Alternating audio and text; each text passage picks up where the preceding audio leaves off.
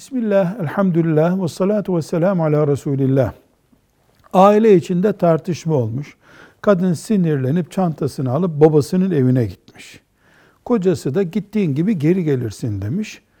Kadın da geri gelmemiş. Bir ay, iki ay, üç ay, dört ay, bir sene, iki senedir kadın babasının evinde, erkek gelirsen bu evde ailemiz devam eder, ben seni gelip almayacağım demiş. Uzun bir zaman geçmiş. Bu bir boşanmış olma durumu oluşturur mu?